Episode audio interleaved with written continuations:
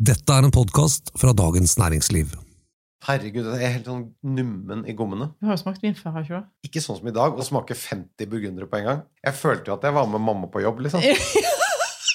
Det er jo ikke alt som er like gøy å smake. Så neste gang må du ta med tegnsaker og iPad. altså, vi sitter jo her nå, blåtann 1 og blåtann 2. Blir du stoppet i promillekontroll med de tenna her sånn, så må du garantert blåse flere ganger. Garantert. Hjertelig velkommen til denne ukens podkast fra Dagens Næringsliv. Mitt navn er Thomas Giertsen, og velkommen til DNs vinekspert Merete Bø. Hei! Jeg leser ikke så veldig mye poesi, men når jeg leser noen av de anmeldelsene dine på viner, så tenker jeg at de kan ligne litt på nesten som en sånn haiku-dikt. Hør på dette her. Sammensatt av nøtter, kirsebær, blomster og mandel. Tett og strukturert. Moden frukt med tydelige tanniner. Lang, fast finish. Eh, Ja. Hvilken vin var dette? Kan du huske det? For det er faktisk en anmeldelse. Jeg tenkte kanskje at det, det må være en nord altså vin.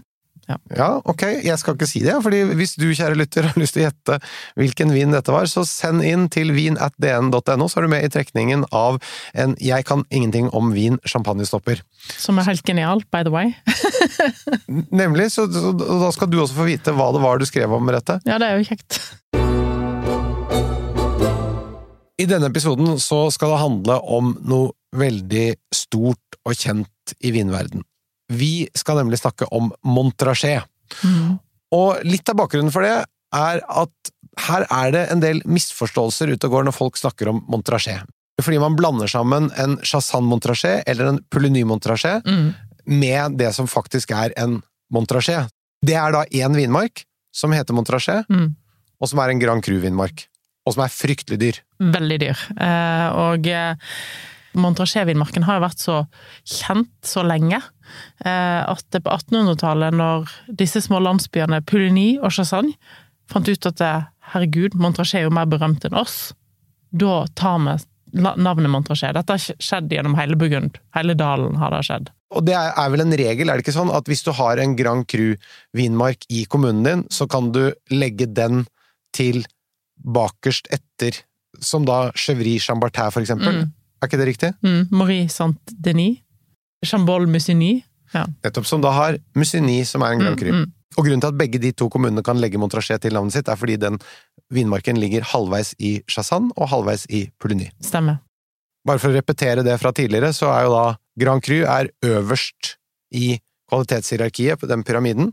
Under der så kommer da Premier Cru, og så kommer enkeltvinmarker, og så kommer eh, villasjer eller kommuneviner, og så kommer distriktsviner, som da er Borgon Blad.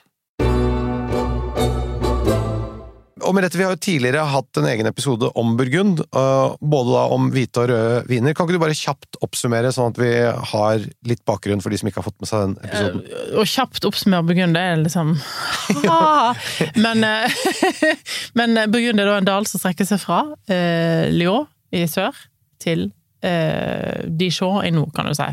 Og så er det Vi fokuserer mest på indrefileten av Burgund, som er Cotte År, som går da fra Santenay i sør, som er forholdsvis kjent appellasjon blitt, eller en landsby, og opp til eh, Marsanei og Fissin i nord. Så, og den deler seg i to. Cotte Bonne, som er sør for Bonn, som er hovedbyen i eh, Burgund, og så er det Cotte Nui, som er nord for Bonn. Og litt sånn, hvis vi skal dele litt enkelt opp, så lages det mest rødvin i nord, Mm. altså Nui, og mest hvit i Cote Bonne. Ja. Min huskeregel her er Cote Bonne ligger i bånn. Ja. ja. Og da er det hvite. Ja, og da er det hvitt. Ja. Og så går du nordover, så blir det rødt. Strengt tatt så er både Chablis og Beaujolais også en del av Burgund, Mm. men eh, det er ikke naturlig å inkludere det når vi snakker om vin. Da skiller vi ut og sier Chablis eller Beaujolais, hvis det er det vi mener. Mm. De to hoveddruene Mm. som nesten all hvit og rødvin lages av der, det er Chardonnay på hvit og Pinot. På året. Og det er det som er enkelt i Burgund. Alt annet er komplisert. Eh, Komplisert med produsenter, det er komplisert med eh, årganger, det er komplisert med vinmarker og priser og ja, hva skal en kjøpe, hva skal en ikke kjøpe. Ja. Det skal vi komme tilbake til.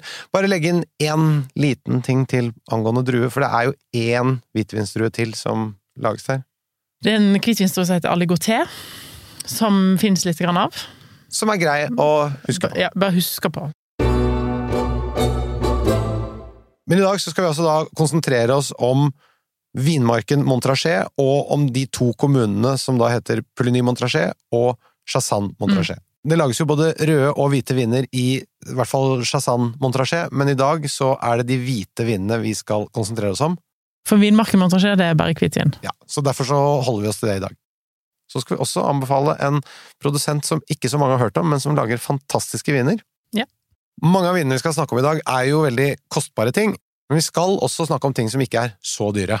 Mm. Merete, du skal komme med anbefalinger på de beste produsentene og de beste alternativene fra Pouligny og Chassan, og alle vinene ligger som vanlig i episode. Hey, I'm Ryan Reynolds. Recently, I asked Mint Mobile's legal team if big wireless companies are allowed to raise prices due to inflation. They said yes. And then when I asked if raising prices technically violates those onerous two year contracts, they said, What the f are you talking about, you insane Hollywood ass? F- So to recap, we're cutting the price of Mint Unlimited from $30 a month to just $15 a month. Give it a try at mintmobile.com slash switch. $45 upfront for three months plus taxes and fees. Promo rate for new customers for limited time. Unlimited more than 40 gigabytes per month. Slows. Full terms at mintmobile.com.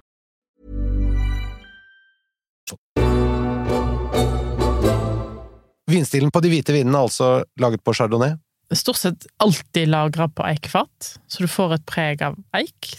Toast. Eh, litt sånn gule, modne epler. Ofte litt sånn toffee. Kommer litt an på hvor gamle de er. Ofte, Hvis de er litt sånn reduktive, altså de lukter litt sånn veldig ferske, så lukter de ofte litt sånn flint og røyk og flintstein og litt sånn svovel. Eh, så går de mot sånne gule, modne epler, så du får liksom hele den bredden i Med litt sånn salt mineralitet og ja. Så det er jo regna som verdens beste hvite viner. Jeg tror det er ingen som vil ta den diskusjonen om at eh, ikke de kommer herifra. Og, og på sitt beste helt fantastiske. Helt fantastiske, men det er ikke alltid det er sånn.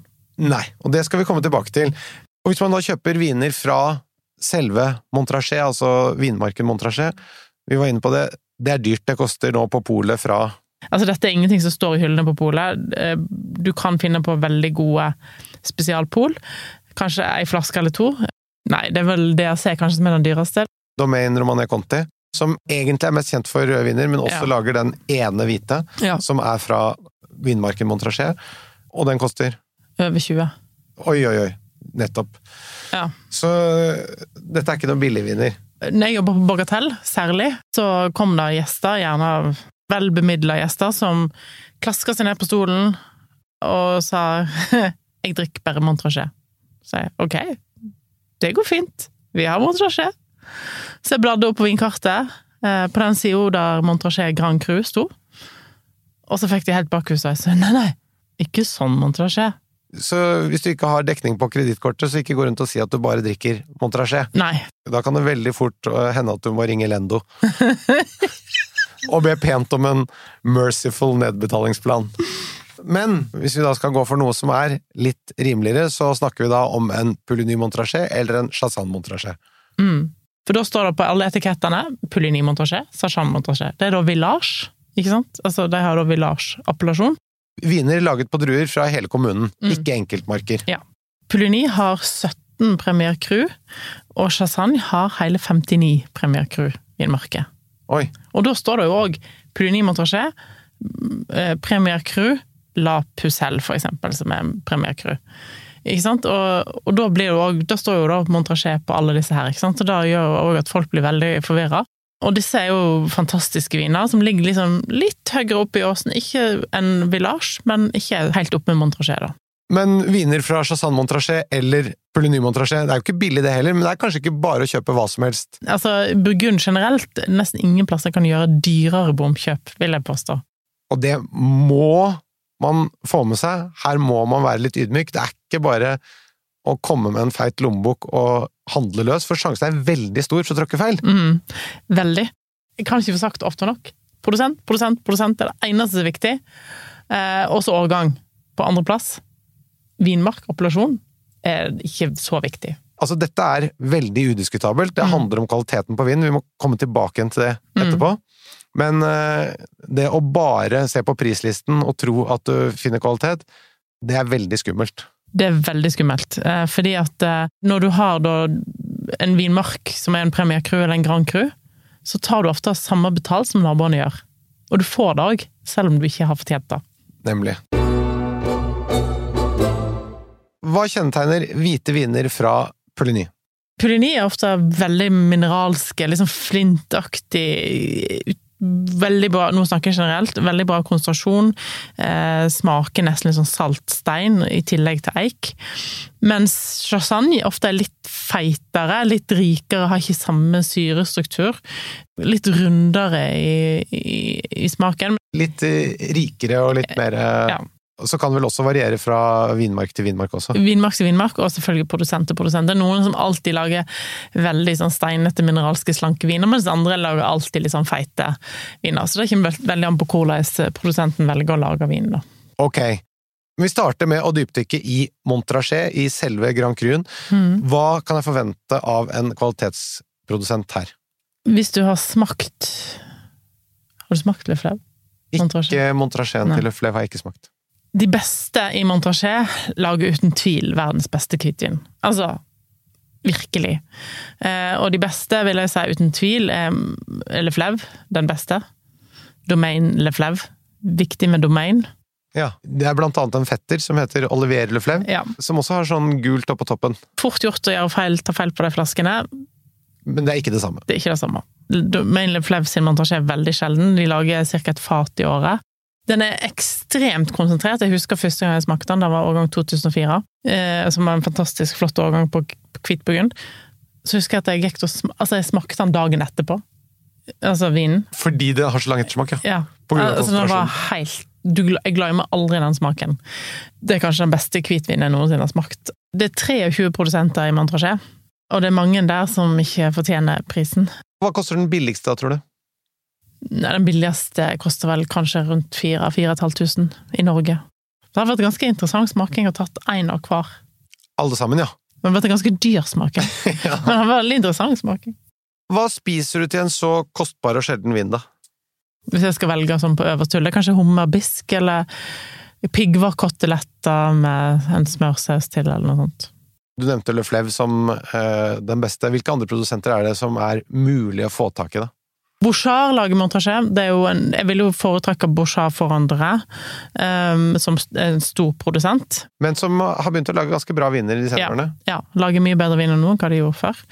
Eh, Saucé, Etienne Saucé lager Montrachet, som kan være tilgjengelig på polet når det er spesialslipp.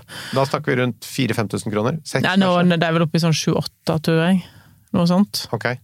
Eh, Lafont har økt litt i pris, den er vel over 10 000, men Lafont er òg en av de aller beste montrasjerene. Men den er vel ikke så lett å få tak i? Nei, den eh, er vel bare på spesialbestilling, eller på restaurantkart, eventuelt. Kom til Lafont. Kom til Lafont. Ja. Og så har du DRC, selvfølgelig, Romane Conti sin, som er kanskje mest lettest å finne på restaurant. Hva syns du om den i forhold til Flev sine? Jeg liker Le Flau sin stil bedre. Jeg syns ofte at DRC sin ofte blir veldig rik og stor. Men samtidig så har han no, hatt noen slanke år der òg, så ja. Det går litt opp og ned, avhengig av årgang, men eh, ja. Ok, det, det var de dyre, flotte vinene som eh, de fleste av oss egentlig bare kan drømme om. Men jeg håper du kan gi noen gode anbefalinger når vi går over til Chassan og Pluny. Og klarer du i dag å komme deg under den 200-kronerslista? Jeg er ikke i nærheten. jo, du er i nærheten! Ja, hvis jeg skulle tatt Burgund, så kunne jeg klart noe, men ikke Chasagne Pellini. Det er lenge siden de koster under 200 kroner. Dette er rett og slett merkevarer. Det er merkevarer, og når de koster under 200 kroner, så tror jeg jeg og deg gikk i barnehagen. Det skjønner. sånn. Men vi må snakke litt om lagringen av disse også. Ja, det er egentlig en helt egen podkast. For det har vært noe som heter Preox, som har vært et stort problem i Burgund, som begynte egentlig sånn 95-96.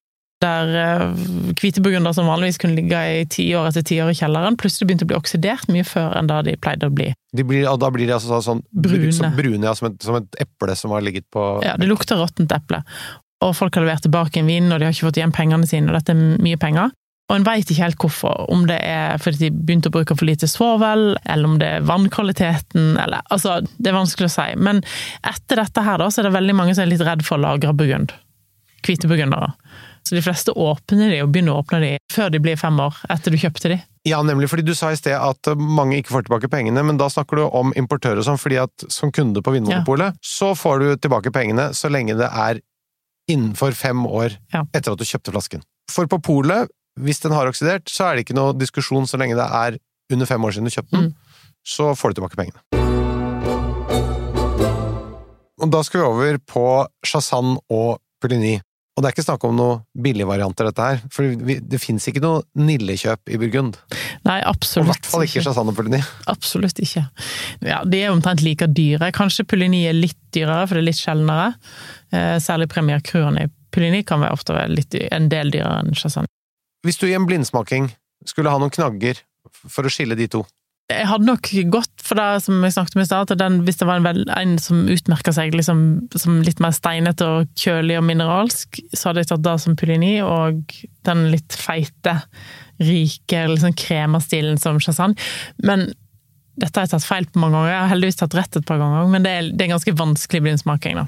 Ja, sånn at uh, det å være så innmari uh, bombastisk på Ja. det der, det er ikke noe lurt. Nei. Og når det gjelder lagring av disse, så er det det samme som vi snakket om i sted. Ja, det, altså du, du kan i teorien lagre en Grand Cru eller en Montrachet lenger enn en Puligny, men det er jo ikke alltid sånn heller. Altså, jeg tenker at det er ganske likt, egentlig. Eh, men ofte en, en Grand Cru har litt bedre konsentrasjon, litt bedre lengde og sånn, som tåler litt Er litt mer robust, og som tåler litt mer lagring. Nå må du anbefale oss de beste produsentene. Ja, altså, dette er jo et litt sånn vanskelig område å anbefale vin fra, for dette er jo nesten alltid utsolgt. Jeg gikk inn på polet og sjekka, det fantes 128 treff på Puligny Montrachet, men nesten alt er utsolgt. Nesten alt, ja. Ja, altså det, du kan ikke bestille det, da, men det finnes kanskje to flasker på Hamar og ei flaske i Kirkenes. Nå er det jo et burgundslipp i februar, som polet har sagt enn så lenge skal ved et fysisk polslipp, så vi må ligge i kø. Oi! Så da må du kjøpe telt, Ja. som vi kan sette opp. Og sånn sittestol med koppholder. Ja. Eh, Fordi at de beste produsentene er stort sett enten bare tilgjengelig der, eller tilgjengelig på restaurant, og på spesialbestilling til kunder som har kjøpt i mange, mange år. Men helt i elitedivisjonen, på topp i eliteserien for øyeblikket, syns jeg uten tvil Leflev. På hvite. Domain Leflev.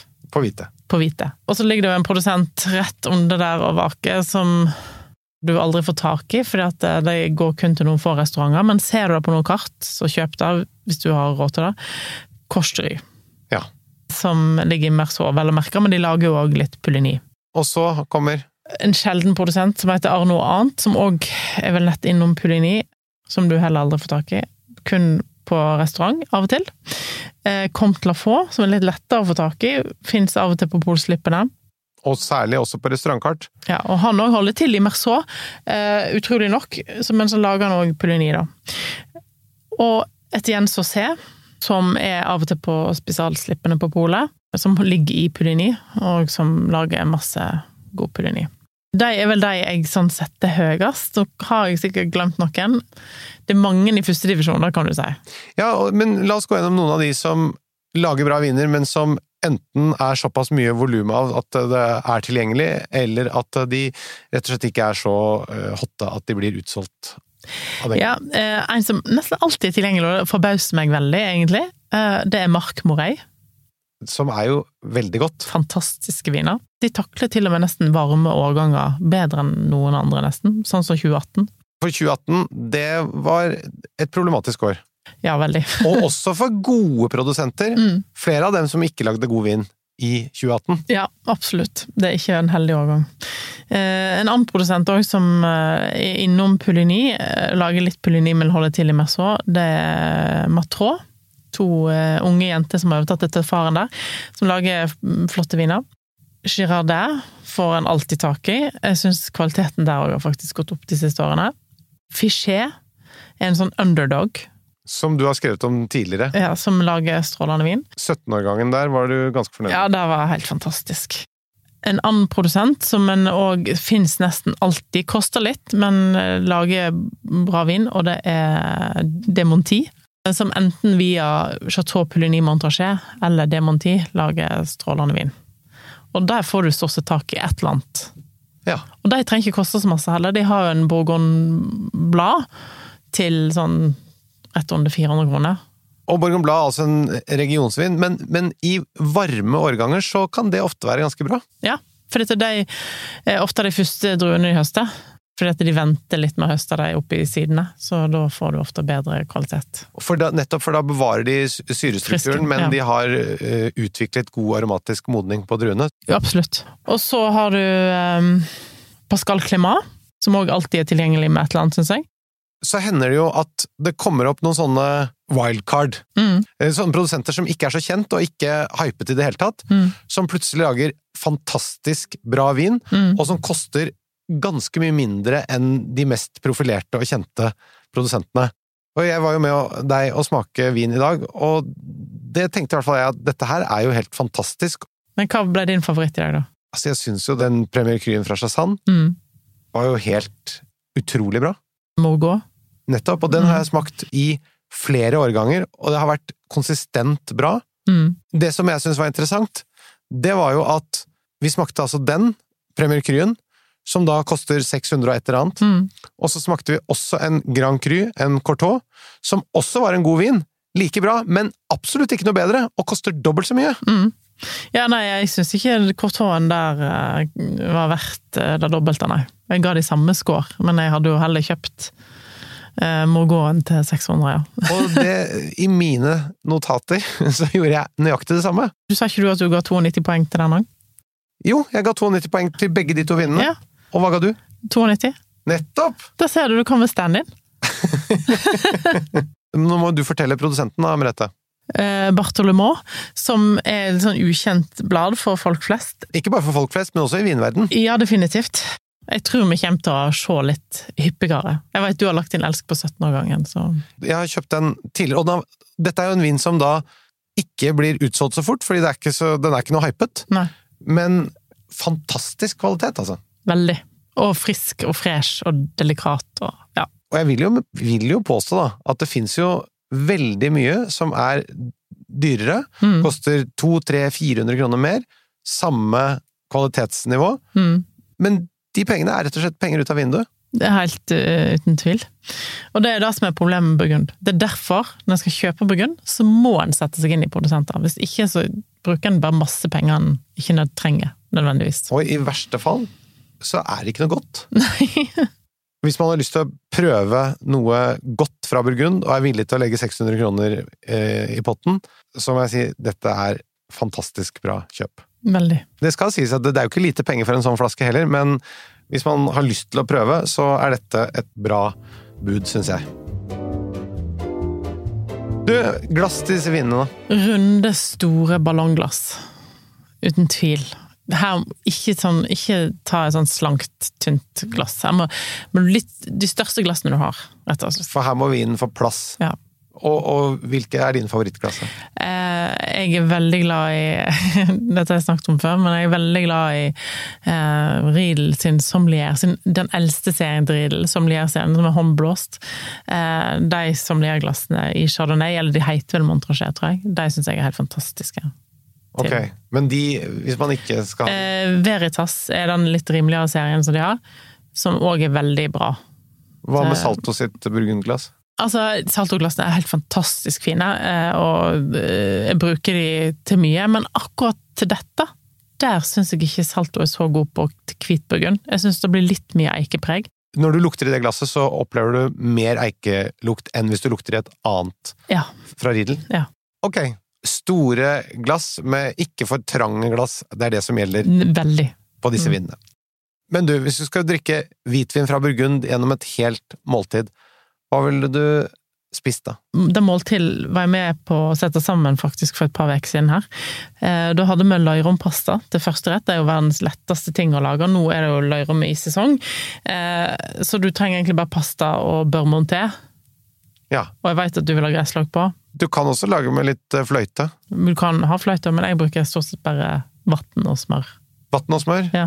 Ikke fløyte. Ikke fløyte. Og litt parmesan. Ja. Eller en hummerrett i en eller annen forstand, da. Eh, Syns jeg er fantastisk. Hummer som er kokt kraft på, liksom. Så vi snakker om en litt rikere hummerrett, da. Og så eh, hovedrett piggvårkotelett med soyasmørsaus. Med soya. Soya. Så altså en smørsaus med smeltet smør som da er brunet, så litt nøttepreg på det, og litt soyasaus og eh, hvitløk og ingefær. Mm.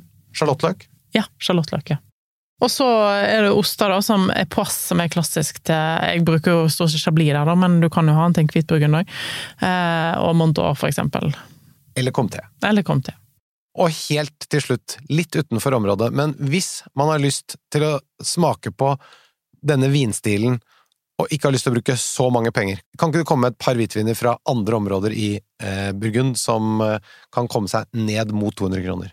Det beste er å gå for en, en bourgogne-blad. Eh, og en som liksom leverer varene egentlig alltid, og har utrolig rimelige viner, er jo Roche de Blend. Eh, og de går jo ned i den Belenos, som er, koster 140 kroner eller noe sånt. Eh, og deres eh, Bourgogne-blad koster under 200, 170 eller noe sånt. Eh, så de to er vel kanskje de jeg kan anbefale som er rimelige og gode. Og, og bare for å si det, det er veldig gode vinopplevelser. Ja, ja, ja. Og hvis du skal ha stor middag, du skal ha mange, eller du ikke har lyst til å betale mer enn det, så har du to gode kjøp der som ene koster til og med 150 kroner. Og vi var innom det i sted, men en Borgon Blad fra eksempel 2018 kan være, fra rett produsent, utrolig godt. Ok, folkens, nå er det bare å gå hjem og kose seg med hvit burgund. Det var det vi rakk, kjære lytter. Send oss gjerne spørsmål til vin.dn.no. Denne podkasten den er produsert av Feelgood for Dagens Næringsliv. Her i studio så satt Dagens Næringslivs vinekspert Merete Bø, og jeg heter Thomas Giertsen. Tusen takk for i dag.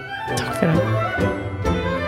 Hvis jeg ikke røkker en smaking i dag, så kan jeg bare ringe deg. Og så står det i stedet for MB, så står det TG bak. Jeg tror vi skal vente litt med det.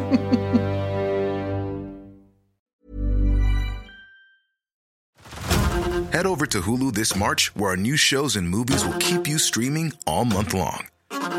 Catch the acclaimed movie All of Us Strangers, starring Paul Mescal and Andrew Scott.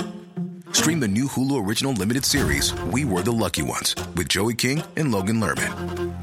And don't forget about Grey's Anatomy. Every Grey's episode ever is now streaming on Hulu. So, what are you waiting for? Go stream something new on Hulu. Join us today during the Jeep Celebration event. Right now, get 20% below MSRP for an average of 15178 under MSRP on the purchase of a 2023 Jeep Grand Cherokee Overland 4xE or Summit 4xE. Not compatible with lease offers or with any other consumer incentive offers. 15,178 average based on 20% below average MSRP from all 2023 Grand Cherokee Overland 4xE and Summit 4xE models in dealer stock. Residency restrictions apply. Take retail delivery from dealer stock by 4 1. Jeep is a registered trademark. Du har nå hørt en podkast fra Dagens Næringsliv.